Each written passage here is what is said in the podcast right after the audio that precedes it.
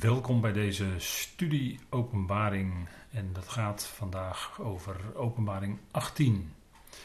We keren terug vanuit Jeremia, waar we de vorige keren bij stil hebben eh, gestaan, naar de, het hoofdstuk Openbaring 18, waarin het gericht over Babylon beschreven staat, met natuurlijk veel verwijzingen naar Tenach. En we willen vandaag, ik spreek dit in, op 27 oktober samen met u overwegen. en we willen eerst graag met elkaar beginnen met gebed en daarna gaan we lezen. Vader, we danken u dat we op dit moment ons weer kunnen verdiepen in dat profetische woord dat, zoals Petrus dat zegt, zeer vast is en schijnt als licht in een duistere plaats. We danken u dat in deze steeds donkerder wordende wereld u dat licht van uw woord geeft. Uw woord is een lamp voor mijn voet en een licht op mijn pad. Vader, zo is het ook voor ons, zo was het voor de psalmist. We danken u dat we ons eerbiedig buigen voor dat woord van u. Danken u dat we mogen buigen. U, voor u die de grote schepper van hemelen en aarde bent. Vader, u die de God en Vader van onze Heer Jezus Christus bent, de Vader der heerlijkheid. Dank u wel dat we een moment weer met elkaar ons kunnen verdiepen in de dingen die aanstaande zijn die over niet al te lange tijd zullen plaatsvinden. Vader, we zien in onze dagen toch die herbouw van de stad Babylon in Irak. En vader, dan is het hoog tijd dat de profetieën in vervulling gaan. Vader, alle landen zoals die volgens uw woord er moeten zijn, zijn er weer in het Midden-Oosten. Vader, we danken u dat zo we ons mogen buigen over de dingen die u ons geeft. Wilt u ons leiden door uw geest? Mag het zijn tot opbouw en versterking van ons geloof en bovenal tot lof en eer van u. Vader, we danken u dat uw woord het is, dat uw lof bezingt en laat zien wie u bent. We danken u daarvoor in de naam van uw geliefde Zoon, onze Heere Christus Jezus. Amen. Goed, we kijken naar Openbaring 18, het gericht over Babylon. We gaan met elkaar lezen en dat doen wij in het laatste vers van Openbaring 17, waarin het geheimenis Babylon ook beschreven wordt. En we hebben daar uitvoerig bij stilgestaan. En we lezen nu met elkaar vanaf vers 18 tot en met hoofdstuk 18 en zo een aantal versen. En daar staat: En de vrouw die jij waargenomen hebt, is de grote stad die een koninkrijk heeft over de koningen van de aarde. Na deze dingen nam ik een andere boodschapper waar, afdalend uit de hemel, grote volmacht hebbend. En de aarde werd verlicht door zijn heerlijkheid. En hij schreeuwde met sterke stem, zeggend: Gevallen, gevallen is het grote Babylon. En het is een woonplaats geworden van demonen en een gevangenis van iedere onreine geest en een gevangenis van iedere onreine en gehate vogel. Want door de wijn van de gramschap van haar hoerderij zijn alle natieën gevallen en de koningen van de aarde hebben met haar gehoereerd. En de kooplieden van de aarde zijn rijk uit de kracht van haar weelde. En ik hoorde een andere stem uit de hemel zeggend: Komt uit haar, mijn volk, opdat jullie niet tezamen deelnemen aan haar zonden. En opdat jullie niet uit haar slagen ontvangen, want haar zonden rijken tot de hemel, en God heeft zich haar onrechten herinnerd. Nou, even tot zover. En we kijken op de volgende slide. En u heeft eh, mee kunnen lezen als we zien dat wat daar staat in Openbaring 17, vers 18, en er staat: En de vrouw die jij waargenomen hebt, is de grote stad die een koninkrijk heeft over de koningen van de aarde. En u ziet dat ik bij dat woord over heb ik daar OPO gezet. Dat uh, zult u kennen uit als u de concordante vertaling heeft. Dat betekent dat er staat een uh, voorzetsel uh, dat met op of met over vertaald kan worden. Dat is het Griekse voorzetsel epi. En het punt is dat hier uitleg wordt gegeven aan het, datgene wat Johannes daarvoor had gezien. Een vrouw zittend op een beest, die aangeduid wordt als de grote hoer die zit op vele wateren. De vrouw die zit op een beest en zij bestuurt dus dat beest. En dat beest is, heeft de of is de verpersoonlijking van, in dat visioen dan, van de wereldheerschappij over de volkeren.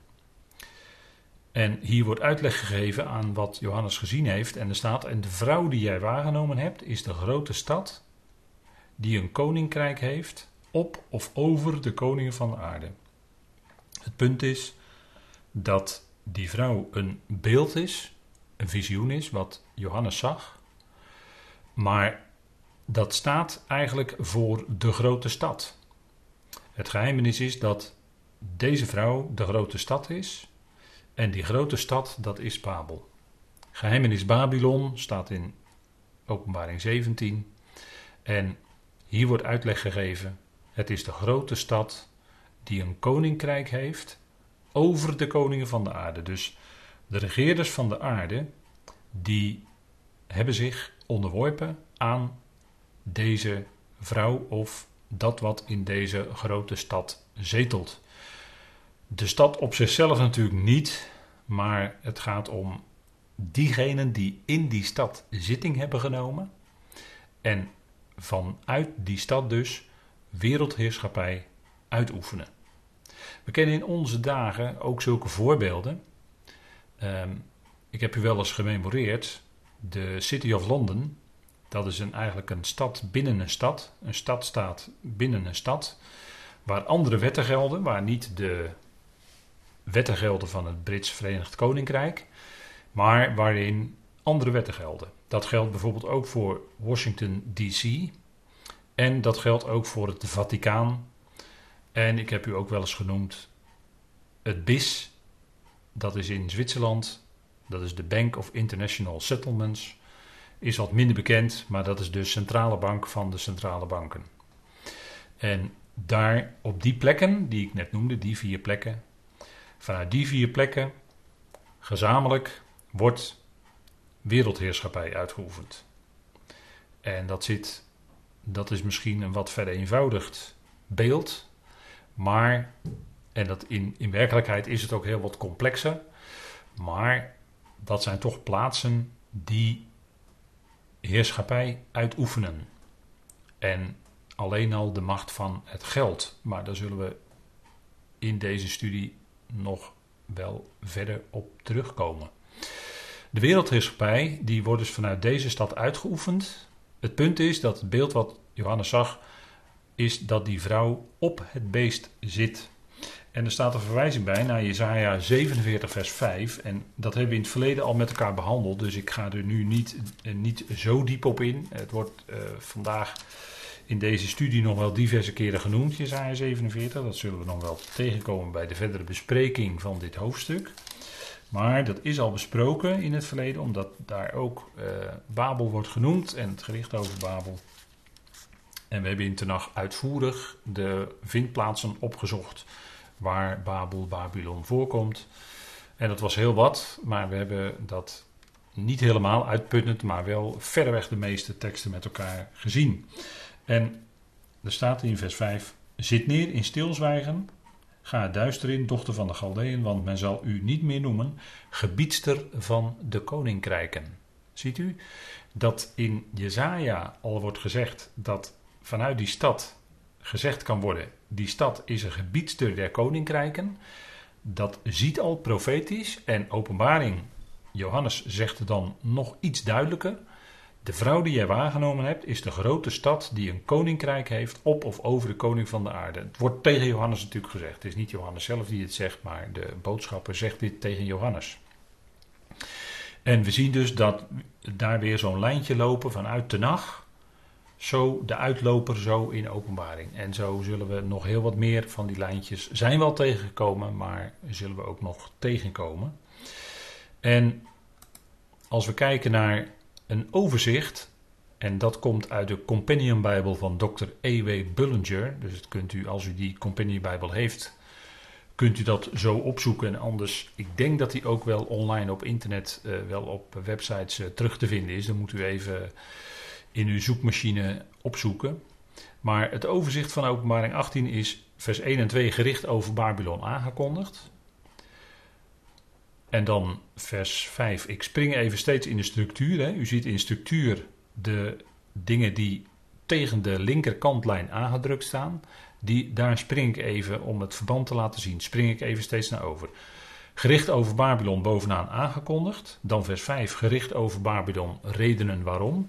En dan vers 21, gericht over Babylon, manier waarop. Dus ziet u dat dingen die met elkaar verband houden in de tekst terugkomen. En dat in een verrassende structuur. Dan springen we weer naar boven en dat is drie Babylons verbondenen, hun zonde. 9 vers 19 Babylons inwoners, hun klaaglied. En 22 en 23 Babylons inwoners hun stilte. U ziet dat ook daar de verbanden duidelijk zijn. Dan vers 4, Gods volk opgeroepen, kom uit. Vers 20, Gods volk opgeroepen, verheug je erover. En vers 24, Gods volk, hun bloed daar gevonden. Dus u ziet een structuur en die vindt u door de heel de Bijbel heen. En dat is geen toeval natuurlijk. Hier zien we de, het waarmerk van de goddelijke auteur. God heeft zijn woord geïnspireerd en dat geldt ook zeker voor het boek Openbaringen. Het is eigenlijk de onthulling van Jezus Christus. We moeten nooit vergeten, hij wordt onthuld in dit Bijbelboek. Het draait om hem. Het draait niet zozeer in de eerste plaats om de mens, het draait om hem. Hij die gezonden was, in eerste instantie tot de verloren schapen van het huis van Israël. Hij zal terugkomen. Hij is opgevaren van zijn discipelen en toen ging de boodschap van het koninkrijk verder. Dat zien we in de studies Handelingen. Maar hij zal terugkomen. En dat is wat ons verheugt. Eerst voor de gemeente en dan minimaal zeven jaar later en met dat minimaal zeven jaar bedoel ik, het kan zeven jaar zijn of nog meer, als u het mij vraagt. Dan zal hij zijn voeten gaan zetten op de Olijfberg in zijn wederkomst. En dat zal gepaard gaan met heel wat gerichten die daar direct aan vooraf gaan. En daar spreekt de openbaring over. Maar hij zal komen en hij zal zijn de koning van de koningen. Dus dan wordt Babylon de stad en wat in de stad zat, zat zal afgezet worden. Babylon gold tot dan nog even als gebiedster van koninkrijken, maar dan komt hij en zal Babylon gaan verslaan. Zal Babylon uitschakelen. En Babylon zal ook uiteindelijk verwoest worden. Dus de Heer Jezus Christus, Hij gaat komen. Hij is de grote koning, de grote priester, de, de hoge priester naar de ordening van Melchizedek, zegt Hebreeën. En hij is de ware profeet. En als zodanig treedt hij ook op in openbaring. We hebben het profetische gedeelte. We hebben het politieke gedeelte. Het troongedeelte. En we hebben het religieuze gedeelte. Dat is de aanbidding. En we leven in de tijd. We leven in de tijd dat dictatuur zich opdringt. En dat het toegaat naar aanbidding van de draak. De wetteloze zal op de troon gezet worden binnen afzienbare tijd. Maar daartoe moet eerst de gemeente weg zijn. U en ik, wij worden weggenomen op tijd. En dan zal de wetteloze op de troon komen. En er zal aanbidding opeisen van heel de mensheid. En er zal geen ontkomen zijn. Tenzij je het leven erbij wil laten. Als je niet wil erkennen. Als je hem niet wil aanbidden dan zal dat je leven gaan kosten. Zo scherp zal het zijn in de eindtijd. Zo heftig zal de dictatuur zijn die komt. En daar moeten we niet te gering over denken. Maar daarbovenuit kijken we omhoog. En dat wordt ook tegen Israël gezegd, juist in die tijd. In Lucas lezen we dat. Hef je hoofden op, want je verlossing is nabij. En zo is het ook voor ons. We heffen ons hoofd omhoog naar de Heer. De verlossing is nabij. En we lezen verder in Openbaring 18 hoe dat dan tot stand gaat komen, die verlossing. Na deze dingen, Openbaring 18 vers 1, nam ik een andere boodschapper waar, afdalend uit de hemel, grote volmacht hebbend. En de aarde en het land werd verlicht door zijn heerlijkheid. Licht in de schrift heeft ook te maken met heerlijkheid en heerlijkheid heeft ook te maken met licht. We lezen in Hebreeën 1 dat de zoon de afstraling is van Gods heerlijkheid.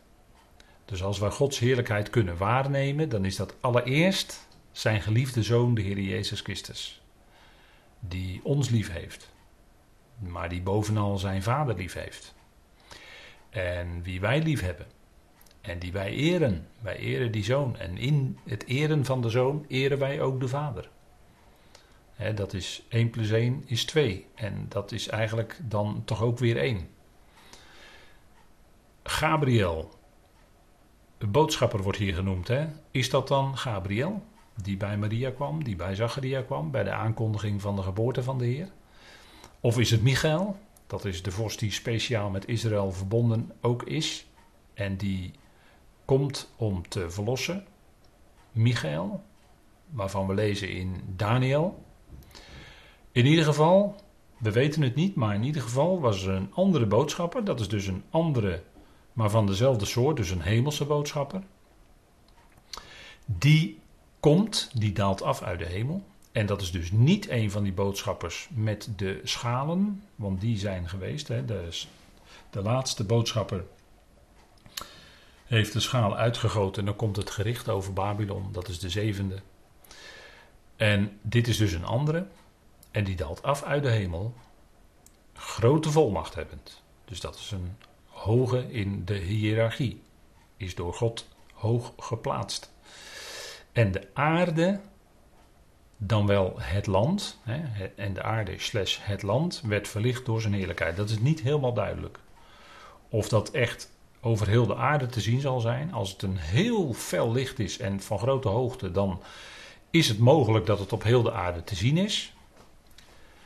Maar het kan natuurlijk ook, zodra het verschijnsel zich voordoet, dat men dat direct via de communicatiemiddelen gaat uitzenden en op die manier het over de hele aarde te zien zal zijn. Ook dat is een mogelijkheid die ik niet zou willen uitsluiten. Openbaring 17, vers 1 en 6 zien we een een van de, die boodschappers met die schalen. Hè? Maar dit is een andere. Licht en heerlijkheid, dat duidt wel aan dat de zoon komt. En sommige uitleggers zien hier misschien in die andere boodschapper dat het de Heer zelf is. Maar in Openbaring 19 lezen wij over een ruiter op het witte paard, die genoemd wordt het woord Gods. Dat is dan natuurlijk weer een ander beeld, maar daarin zien we heel duidelijk de Zoon van God. Hè? En dat is eigenlijk de tegenhanger van die ruiter op het witte paard in Openbaring 6. Hè? In Openbaring 6 gaat het om de tegenstander, of zoals Johannes hem noemt, de antichrist, of de wetteloze, de ruiter op het witte paard, degene die vrede brengt. En we zien contouren van vrede nu ook in het Midden-Oosten. Israël sluit vrede met omringende Arabische landen, maar ook met Soudaan, dat is nog heel vers van de pers. Soudaan, Verenigde Arabische Emiraten, Bahrein, Saoedi-Arabië heeft de houding veranderd. En dat is wel belangrijk, die laatste Saoedi-Arabië, want in Saoedi-Arabië liggen de twee heilige plaatsen, hè, Mekka en Medina. Naast natuurlijk Jeruzalem, wat voor die grote groep religieuzen ook een heilige plaats, eh, als heilige plaats wordt beschouwd. Maar dat met name Saoedi-Arabië, dat is een belangrijke schakel in dit hele gebeuren. En de, de Amerikaanse presidentsverkiezingen, daarvan wordt de uitslag begin november verwacht. Misschien niet helemaal op 3, 4 november, omdat het allemaal schriftelijk gebeurt uh, in deze tijd. En het misschien wat langer de tijd vergt om alle stemmen te tellen. Maar toch, begin november wordt, komt daar de uitslag. Wie zal het zijn? We weten het niet. de laatste keer was het heel verrassend. Maar we weten niet hoe het nu uitpakt. En het is natuurlijk in Gods hand. God bepaalt het. God stelt koningen aan en koningen af. Regeerders aan en regeerders af. Dat is Gods zaak. En hij doet wat het beste is naar zijn plan, uiteraard. Hè. Dat is. Uh, Nebukadnezar erkende dat nadat hij bij zinnen was gekomen. Dat de God van de hemel bepaalt wie regeert en wie niet. Hè. Dat, is, uh, dat was een enorme erkenning. Maar toen had hij wel zeven tijden bij de runderen in het veld gas gegeten. Dus dat was een enorme vernedering geweest.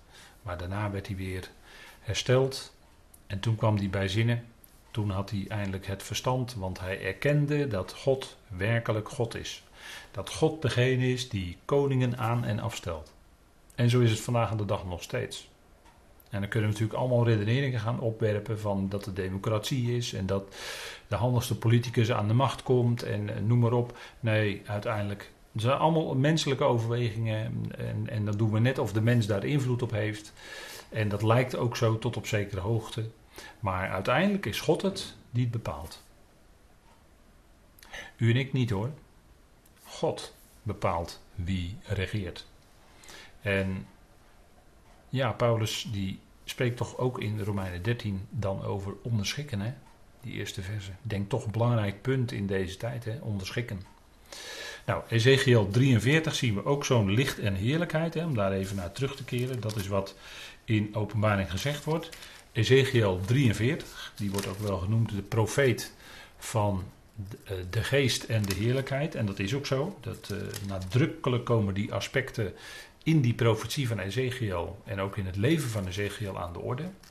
De, het werk van de geest die bij gelegenheid in Ezekiel kwam, zodat hij kon profiteren, dingen kon zien. En de heerlijkheid. En de heerlijkheid die in het begin van het boek Ezekiel ziet Ezekiel die, die heerlijkheid wegtrekken uit Jeruzalem. Maar dat is natuurlijk niet het einde van de hele geschiedenis in Ezekiel, of het hele boek Ezekiel. Want in Ezekiel 43, vers 2 tot en met 4, lezen we iets bijzonders. En er staat: En zie, de heerlijkheid van de God van Israël kwam uit de richting van het oosten. En zijn geluid was als het bruisen van machtige wateren. En de aarde werd verlicht vanwege zijn heerlijkheid. En de aanblik van het visioen dat ik zag, was als het visioen dat ik gezien had toen ik kwam om de stad te gronden te richten. Het waren visioenen als het visioen dat ik aan de rivieren Kebar gezien had. Toen wierp ik mij met het gezicht ter aarde. En de heerlijkheid van de Heer, van Yahweh, kwam het huis binnen via de poort die op het oosten uitzag. En dan staat er eigenlijk waarvan zijn gezicht in de richting van het oosten was. Hè. Dus uh, er wordt de poort als het ware menselijk voorgesteld. De, de oostelijke poort, uh, ja, in de tegenwoordige Jeruzalem is dat de Gouden Poort. Maar goed, dat was, zag er natuurlijk toen allemaal heel anders uit. En die stad is daarna vele keren verwoest geworden en weer opnieuw opgebouwd. Dus dat lag sowieso al veel lager ten opzichte van de Olijfberg. Maar in ieder geval die poort naar het oosten toe. Want hij zal komen en dan zal ook die lichtflits zijn, van, zoals het licht vanuit het oosten naar het westen, hè, zegt de Heer Jezus dan in Matthäus 24. Nou, hier ziet Ezekiel in een visioen dat die heerlijkheid van de Heer terugkeert. En dat is wel, wel bijzonder. En dan ziet hij die geweldige tempel die zal staan. En dit is natuurlijk eigenlijk profetisch op wat gaat gebeuren als de Heer werkelijk gaat komen. En dan zal die, die geweldige tempel die hier beschreven wordt in Ezekiel 40 tot 48, die zal daar gebouwd worden in Israël. Dat zal een enorm gebied zijn. Maar dat zal een gebied zijn ten noorden van Jeruzalem. Denken uitleggers, zoals uh, Dr. Bullinger. En uh, broeder Nog dacht ook, toch ook wel in die richting.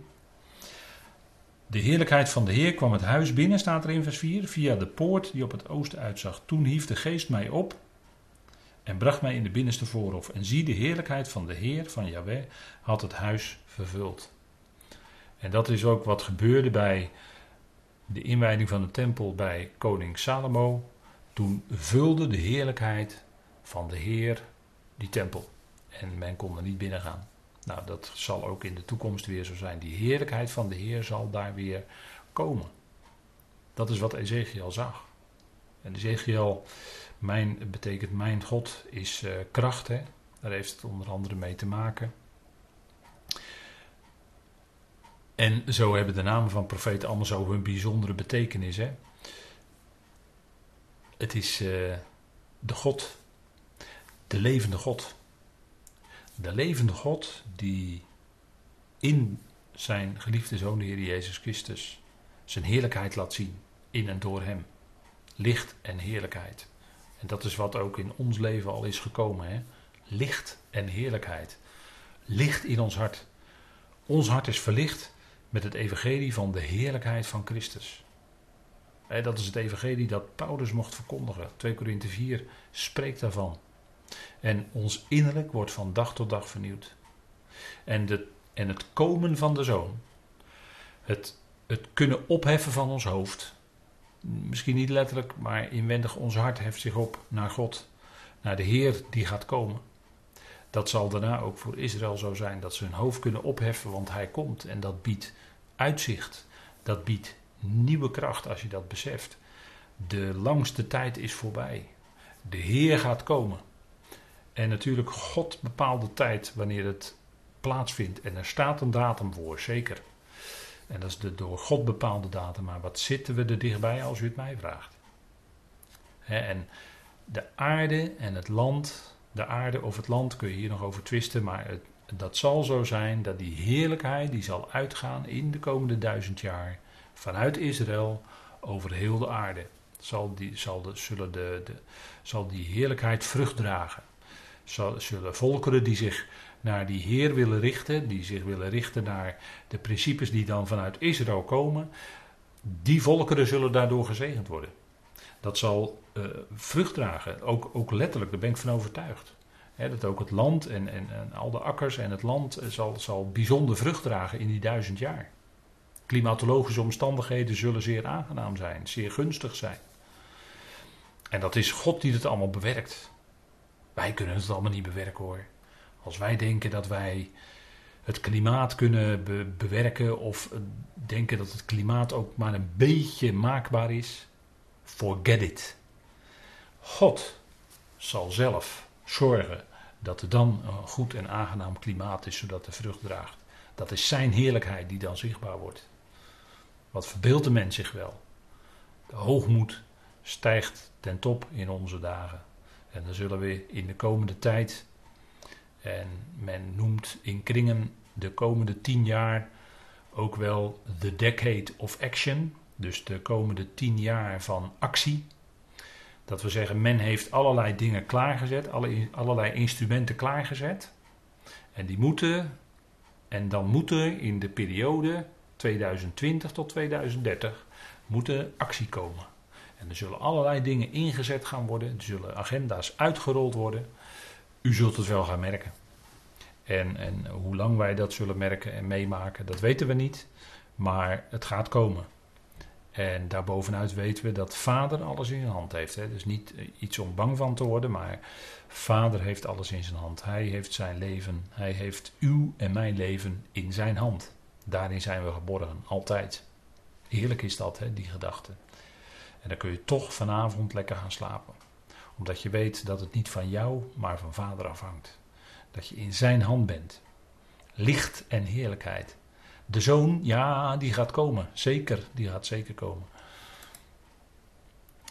En hij schreeuwde met sterke stem, zeggend, uh, openbaring 18 vers 2, hè, het valt, het valt, het grote Babylon. Zo mag je het misschien ook vertalen. Hè? We hebben net gelezen, gevallen is, gevallen, gevallen is het grote Babylon. Doet er niet toe, het gaat erom dat het gaat vallen.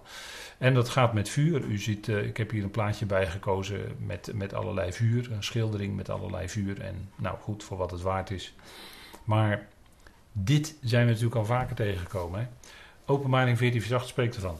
Jezaja 21, we zijn er dichtbij in de, in de schrift. Hè? Ik lees u steeds uit de herziende statenvertaling. Jezaja 21 spreekt daarvan. En dat is denk ik toch uh, een fijne profeet hoor. Want u weet het, hè? Jezaja betekent redder zal zijn, ja. Dat is afkorting van Yahweh. Redder zal zijn, Yahweh. En zo is het ook. En dat wordt natuurlijk in die naam, de Heer Jezus Christus, Jezus, Jezus betekent Yahweh, red. Wordt in zijn naam natuurlijk ook uh, duidelijk uh, gemaakt. Hè? Nou, Jezaja 21. Jezaja 21. En dan vers uh, 9, daar staat dat, hè, wat hier dus doorklinkt in openbaring, maar dat klonk dus al in Tenach. En dat klinkt hier dus door in openbaring. Dus we zien hier weer de uitloper van de profetie van Tenach. Gevallen, gevallen. Hij neemt het woord en zegt: Gevallen, gevallen is Babel. En alle beelden of inkervingen van zijn goden, van zijn afgoden, heeft hij tegen de grond stuk gebroken. Of tegen de aarde stuk gebroken. Staat het hè, gewoon. En dit is natuurlijk nog niet vervuld, blijkt hè. Een openbaring, die, dat is een boek wat nog helemaal in vervulling moet gaan. En we lezen hier in Jesaja 21 de aankondiging van dat gericht. En in openbaring is daar de echo van en klinkt het opnieuw. Het valt, het valt, het grote Babylon. Nou, we lezen dat ook in Jeremia 25, vers 12. En dat heeft u denk ik ook vast wel al ergens aangetekend zien uh, staan. Vers 12 klinkt dat ook door, hè? Maar het zal gebeuren wanneer de 70 jaar voorbij zijn, dat ik de koning van Babel en dat volk spreek de Heer hun ongerechtigheid zal vergelden, ook het land van de Galdeën. En ik zal dat maken tot eeuwige woestenijen. Het punt is dat natuurlijk de koning van Babel en dat volk hun ongerechtigheid zal vergelden. En in directe zin, die 70 jaar was natuurlijk die voorzegd was en waaruit uh, Juda en Benjamin, hè, de twee stammen, terugkeerden naar Israël. En natuurlijk kwam er aan die 70 jaar een einde. En zou Babel ten onder gaan in die tijd, maar niet tot eeuwige woestenijen, niet tot Ionische woestenij. Want het werd niet helemaal vernietigd. Er bleef altijd een, een restdorp of reststadje bleef er over. Dus die, het, het tweede deel hier, hè, die 70 jaar, is natuurlijk al vervuld. Maar de koning van Babel en dat volk, hun ongerechtigheid zal vergelden. En ik zal dat maken tot eonische woestenijen. Dat is nog toekomst.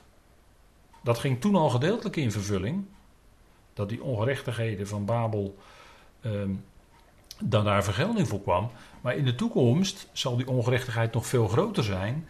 En zal daar ook vergelding op komen. Dus dan heeft dat, die profetie heeft dan een dubbele vervulling. Terwijl we vaststellen dus dat een stukje nog niet eens vervuld is. Het is nog niet eens tot eonische woestenijen geworden. Dat is nog toekomst. Nou, en dan hebben we nog Jeremia 51. Jeremia 51, vers 7 en 8. Babel was in de hand van Jahweh een gouden beker die heel de aarde dronken maakte. Van zijn wijn hebben de volkeren gedronken, daarom gedragen de volkeren zich als een waanzinnige. Plotseling is Babel gevallen en stuk gebroken. Weeklaag erover. Al balsem tegen de pijn. Misschien zal het genezen. Nou, in de toekomst gaat het dus niet meer genezen. We zien, we leven nu in de dagen dat Babel, de stad, letterlijk verder wordt uitgebouwd. Was al gedeeltelijk herbouwd. Oude dingen onder Saddam Hussein, maar wordt nu verder uitgebouwd. Hebben we gezien, hè. En het zal opnieuw verwoest worden in de toekomst. En ook in openbaring, um, ja, we hebben dat vastgesteld ook in Jezaja 47 vers 11. En dan verwijs ik u terug naar de studie 51, waarin Jezaja 47 besproken werd. Studie 51 van openbaring uit deze reeks. Maar dan slaan we even snel door naar openbaring 14. Dat is natuurlijk ook een bekende, want die zijn we in al besprekend al tegengekomen. En er staat, en een andere boodschapper volgde die zei, zij is gevallen, zij is gevallen, Babylon de grote, omdat zij alle volkeren van de wijn van de toren van haar roererij heeft laten drinken. De afgoderij stapelde zich op. De, de, het overspelige en het hoererende van Babylon dat uh, werd ook een deel van de volkeren. Zij dronken uit diezelfde beker. En uh, wat, wat Babylon is en waar, waar, en wat het geheimenis Babylon precies inhoudt, dat hebben we gezien. Hè? En uh, men pleegt dan afgoderij, want diegenen die daar zitten aanbidden dus niet hun God. Die daar in die, in die kern van die heerschappij zitten, dan in Babel. Die aanbidden niet Yahweh hun God, maar die aanbidden de tegenstander. En dat is, dat is uh, eigenlijk nu wel aantoonbaar, maar in het kader van deze studies die, uh, op, uh, die, die, die later terug te beluisteren zijn, spreken we daar verder nu niet over. Dat hebben we in eerdere studies gedaan, wie, om die groep die dan daar is te identificeren. Dat is het uitleg van het geheimenis Babylon. En we hebben gezien dat het te maken heeft met de afvalligen uit Israël. En wie dat dan vandaag de dag zijn, dat is uh, weer een stap verder. Maar in ieder geval de afvalligen uit Israël in de eindtijd, die, waar veel rijkdom zit, en dat is een kleine groep. Je kunt niet een kleine groep laten model staan voor heel het volk. Het is maar slechts een kleine groep uit dat volk. En we hebben Israël lief als volk. Maar die kleine groep, die steenrijk is, die zal dan zich nestelen, om het zo maar te zeggen, in Babylon. En van daaruit de wereldheerschappij uitoefenen. Nou, goed. Dat is wat we ook hier lezen. Het valt, het valt, het grote Babylon. Dus het zal zich verheffen tot de hemel. Maar het zal ook daardoor ten val komen. Hoogmoed komt voor de val. dat is een bekend gezegde in de schrift. Maar dat geldt ook hier. Hè. En eh, we kunnen alleen als gelovigen ootmoedig ons hoofd buigen voor dat woord van God. En zeggen: Ja, Heer, zo, zo zult u het gaan doen. Zo zal het gaan gebeuren in de toekomst. we, we, spreken ervan op een manier dat we er diep van overtuigd zijn dat deze dingen vast en zeker gaan gebeuren in de nabije toekomst. Daar zijn we zo diep van overtuigd dat het zo is, dat het de waarheid is van Gods woord, dat het nog toekomst is. En het is zo ontzettend belangrijk dat we de waarheden van Gods woord, hè, want dan is het ook echt waar. Als je het in de tijd ook plaatst die de schrift aangeeft, de tijd die het moet hebben, waarin het geplaatst is volgens de schrift, dat kun je alleen maar naspreken. En je kunt niet de schrift, met de schrift gaan manipuleren en zeggen van ja, maar het is allemaal al gebeurd. Dat doen de preteristen, hè, de zogenaamde preteristen. Die zeggen dat dit allemaal al gebeurd is. En dat, dat er wat dat betreft geen eh, toekomstig eh, gericht en, en alles meer komt. Hè. Die verplaatsen, die verwoesting van Jeruzalem bijvoorbeeld, eh, hè, dat is alleen maar in het jaar 70 na Christus gebeurd. En men verklaart dan alles weg naar die tijd. Maar dat kun je niet doen. Dat kun je niet doen met de schrift. Deze dingen die hier over Babylon beschreven staan, dat is nog toekomst. Dat is nog toekomst. En dat zal dus ook nog gaan gebeuren. Hè? De grote val van het groot, dan zo grote Babylon zal nog komen.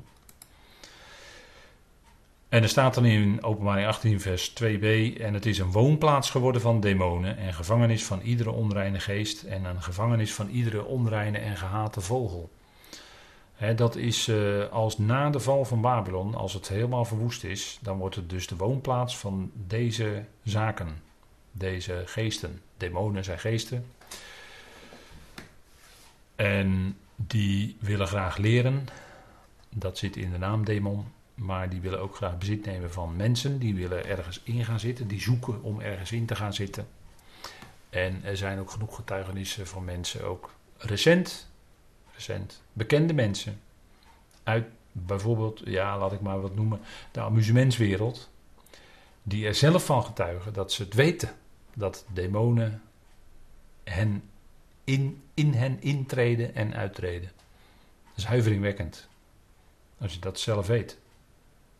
Het is een woonplaats geworden. Hè, Babel zal dat dan zijn in, in, in de komende duizend jaar. Een woonplaats van demonen en een gevangenis van iedere onreine geest en een gevangenis van iedere onreine en gehate vogel. He, uh, vogelen des hemels, dat is een bekende uitdrukking in de schrift. Dat uh, is een type, dat, uh, de vogelen des hemels, he, dat zijn natuurlijk gewoon vogels, maar dat, dat zijn typen van geestelijke machten. Geestelijke machten bevinden zich niet ver weg van deze aarde, maar bevinden zich in de hemelen. En als we kijken naar het Bijbelse wereldbeeld, dan weten we dat de hemelen, de luchtlagen zijn direct op de aarde. Dus heb je de aardkorst en daarop heb je luchtlagen. En dat zijn de hemelen. En heb je natuurlijk ook nog een gebied boven de hemelen. Nou, dat, dat is voor ons uh, van belang, want dat is waar het woord in Efeze op wijst. Hè? Het, het ophemelse of het bovenhemelse. We vertalen dat met hemels. Maar u weet dat dat er letterlijk staat. In die hemelen, daar zijn allerlei geesten gaan rond. Krachten van de boosheid, onreine geesten, machten, geestelijke machten. En de tegenstander is de vorst van het volmachtsgebied van de lucht, zegt Efeze 2. En dat is serieus. Dat is een serieuze zaak. Want als leden van het lichaam van Christus hebben wij daarmee te maken. Efeze 6 spreekt er ook over. En dan gaat het om strijd. Dan gaat het om verdedigen, dan gaat het om stand houden. En daarvoor hebben we die geestelijke wapenrusting. De wapenrusting van God. Waarin we kunnen stand houden. met, met vier belangrijke dingen die we aandoen en dat is voor de praktijk. Natuurlijk, we weten ons gerechtvaardigd, maar het gaat ook om in de praktijk gerechtigheid doen.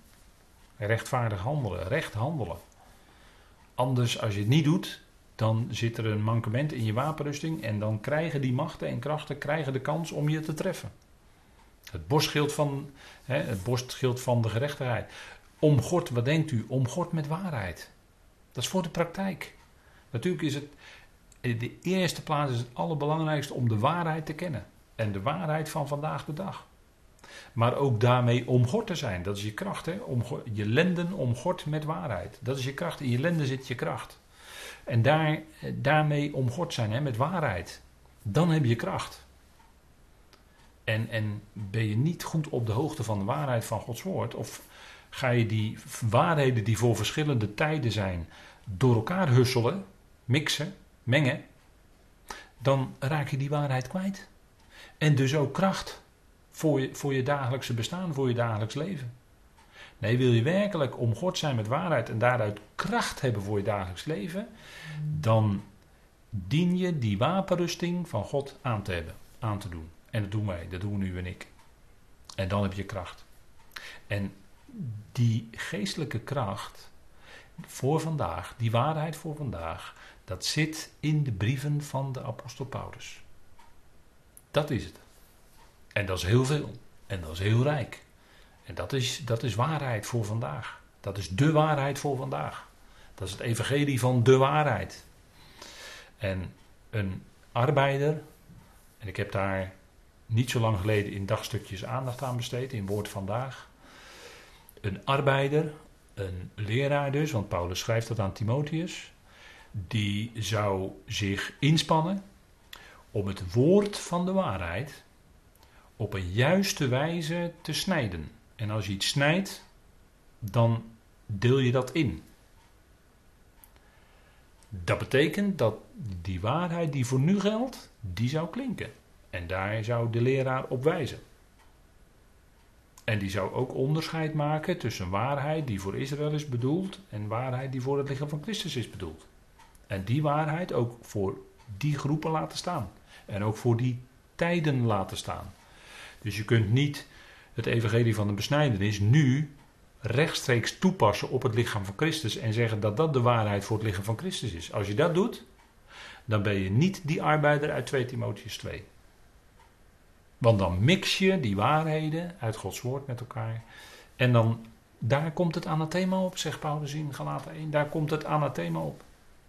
Dus waarheid, daar zouden wij mee omgord zijn. Dat is onze kracht voor ons dagelijks leven. En we zetten die helm van redding op. We ontvangen die helm van redding zelfs van de Heer.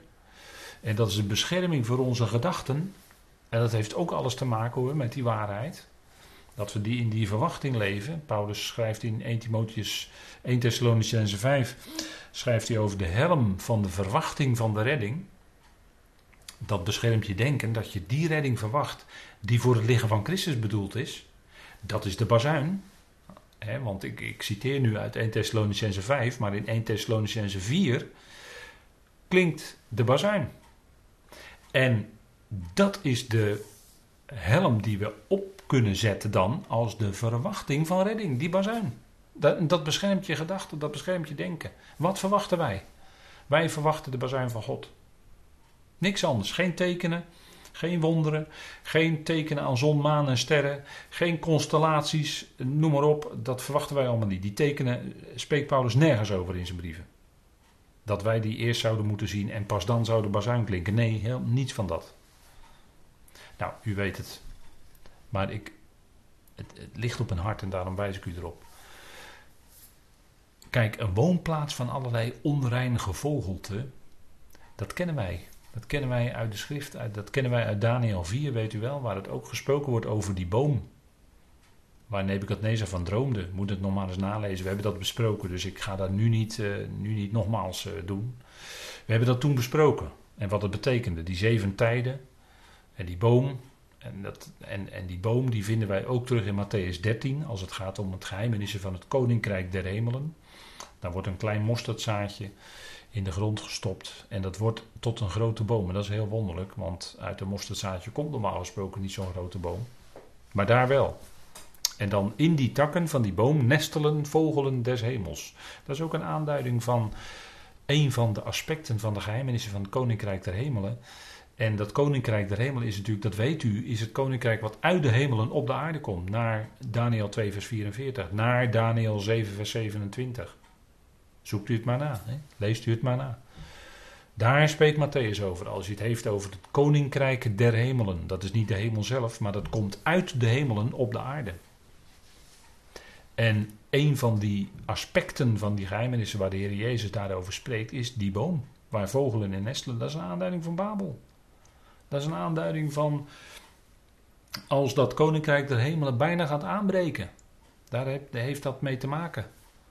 het is of in de tijd van de Heer zelf nog in zijn dagen, geheimenissen uh, zijn van toepassing. Of na, de, na het geheime beheer. De dagen waarin het koninkrijk ook daadwerkelijk zal gaan komen met gerichten vooraf. Daar spreekt Matthäus 13 ook over. Nou, dat is op zich alweer een heel hoofdstuk apart. Maar het is allemaal koninkrijk der hemelen. Hè? Kunnen we ook niet, Matthäus 13 kun je ook niet vandaag in deze tijd van genade toepassen op de gemeente. Kan niet, kan je niet doen. En ik denk dat dat ook weer een belangrijk punt is. Hè? De vogelen des hemels, dus onreine machten, die zullen daar huizen, die zullen daar opgeborgen worden als het ware in, in dat gebied van Babel in de komende duizend jaar. En daarna, dat is weer wat anders. Maar dat zal het zijn. Hè? Nou, we gaan verder naar Openbaring 18, vers 3. En er staat: Want door de wijn van de gramschap van haar hoererij zijn alle naties gevallen. We hebben dat net al gelezen hè, in Tenach. En het punt is dat iedereen meedoet. Het is op dat moment werelddominantie, dat we zeggen wereldheerschappij. Hè, eh, het woord dominus heeft eh, te maken, dominee, dominus, heeft te maken met de regering. En dat is een punt, wat ik daarnet al heel even noemde, is dat die hele wereld gaat aansluiten op de agenda van de wettelozen, laat ik het zo maar even noemen.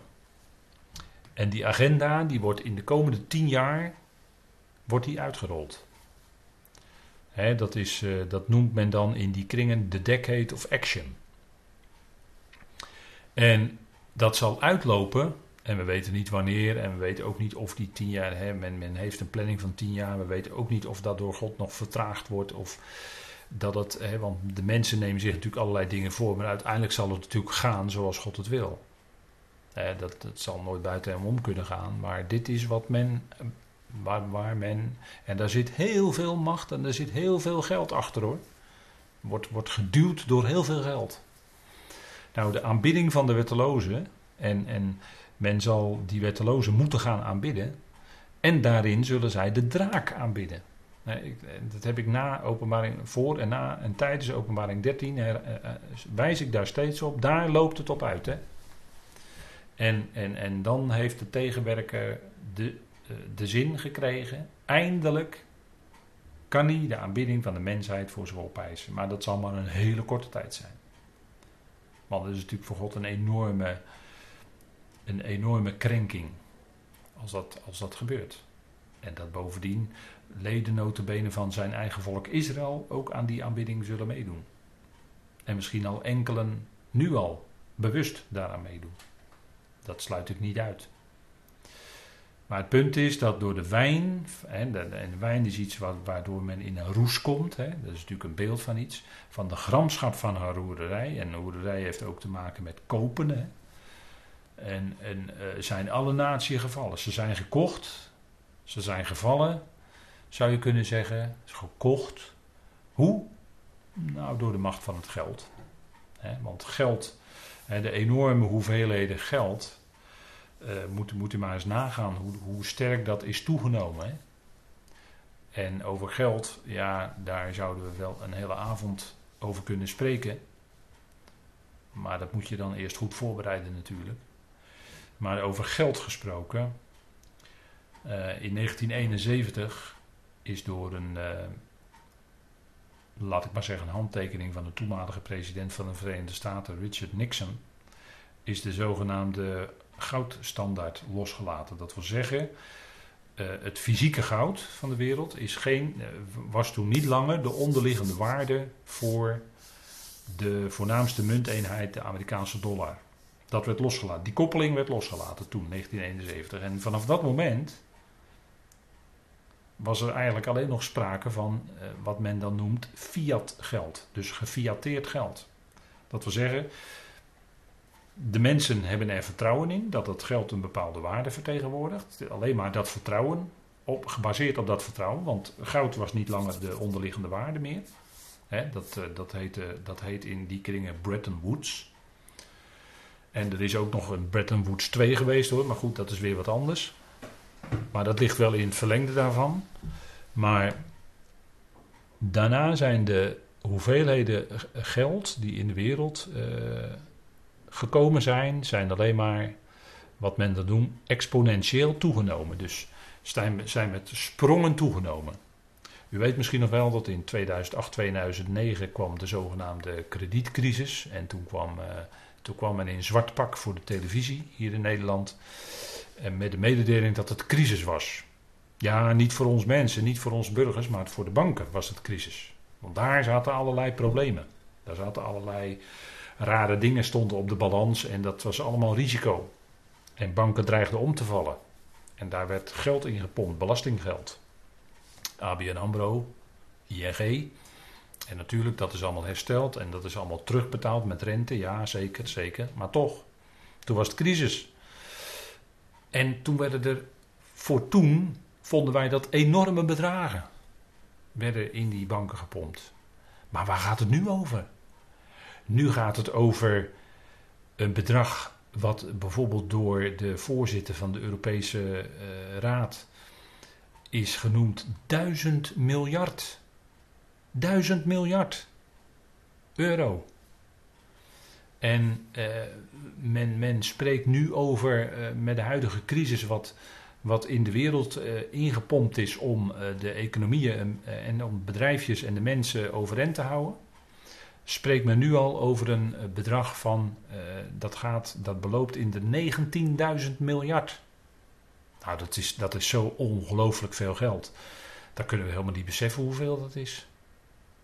Dus wat, wat in 2008, 2009 vonden we, vonden we de miljarden die toen genoemd werden al veel. Maar nu gaat het om nog veel meer. En dat komt omdat het. En dat komt allemaal omdat toen de tijd in 1971 die goudstandaard is losgelaten. Want kijk, hoeveelheid geld, als jij het geld hebt, geld is wetteloos. Geld onttrekt zich aan, aan uh, grenzen, aan politiek. Uh, de, de, politiek wordt beheerst door het geld. Alles wordt, alles wordt in economische dingen uitgedrukt. Het wordt allemaal, eh, dat noemen we dan geëconomiseerd. Alles draait om geld in deze wereld. De gevleugeld gezegde is: Money rules the world. En dat zei broeder nog in zijn commentaar al 100 jaar geleden. Moet u nagaan. En in die tijd is het alleen maar veel, veel meer geworden. als je ontzettend veel rijkdom hebt, ontzettend veel geld. Dat is, dat, is de, dat is wel de hebzucht van de mens en dat is wat men ook steeds meer wil hebben. Maar bij mensen die al heel veel geld hebben, gaat het om meer. Het gaat om macht, want geld vertegenwoordigt tegenwoordig macht. En dat oefent men uit. En daardoor kan men alles kopen. En dat is een facet van die hoerderij die hier in openbaring 18 genoemd wordt. Door de wijn van de gramschap van haar hoerderij zijn alle naties gevallen. En het leidt, en er zit een duidelijke geestelijke component aan. Want het is afgoderij. Het is niet alleen de verafgoding van het geld. Maar het is ook de macht. Hè? De, de, de, het, het uh, en, en uh, ja, nou ja, goed, er zou veel over te zeggen zijn met macht en dat er ook corruptie. Dit is natuurlijk eh, één toonbeeld van uh, wat, wat hier gezegd wordt, is ook corruptie natuurlijk. Hè. En corruptie is natuurlijk aan de orde van de dag. Dat is overal. Is ook in, in de westerse wereld en in, in, de, in de beide Amerika's, in China, in, in Rusland en in de Europese Unie. En overal is corruptie. Overal. Overal zijn maffia-achtige praktijken aan de gang dat is, maar dat komt allemaal door de macht van het geld, de hebzucht. Eh, de, de, een wortel van alle kwaad is, is de zucht naar geld. Het is niet uh, geld op zich, maar de zucht naar geld. Dat is een wortel van alle kwaad, zegt Paulus in 1 Timotheus 6. En dat leidt, en dat, daar, daar zit, dat kost een hoge prijs, want men is daardoor verbonden. Je, je hebt heel veel macht en geld. je, je wordt rijk, eh, eh, kan, als je je verbindt met de tegenstander van God. En dan zitten we natuurlijk midden in de zware afgoderij. En dat noemt de Bijbel, als het gaat om zijn volk, hoerderij. Overspel hebben we met elkaar gezien in de profeten.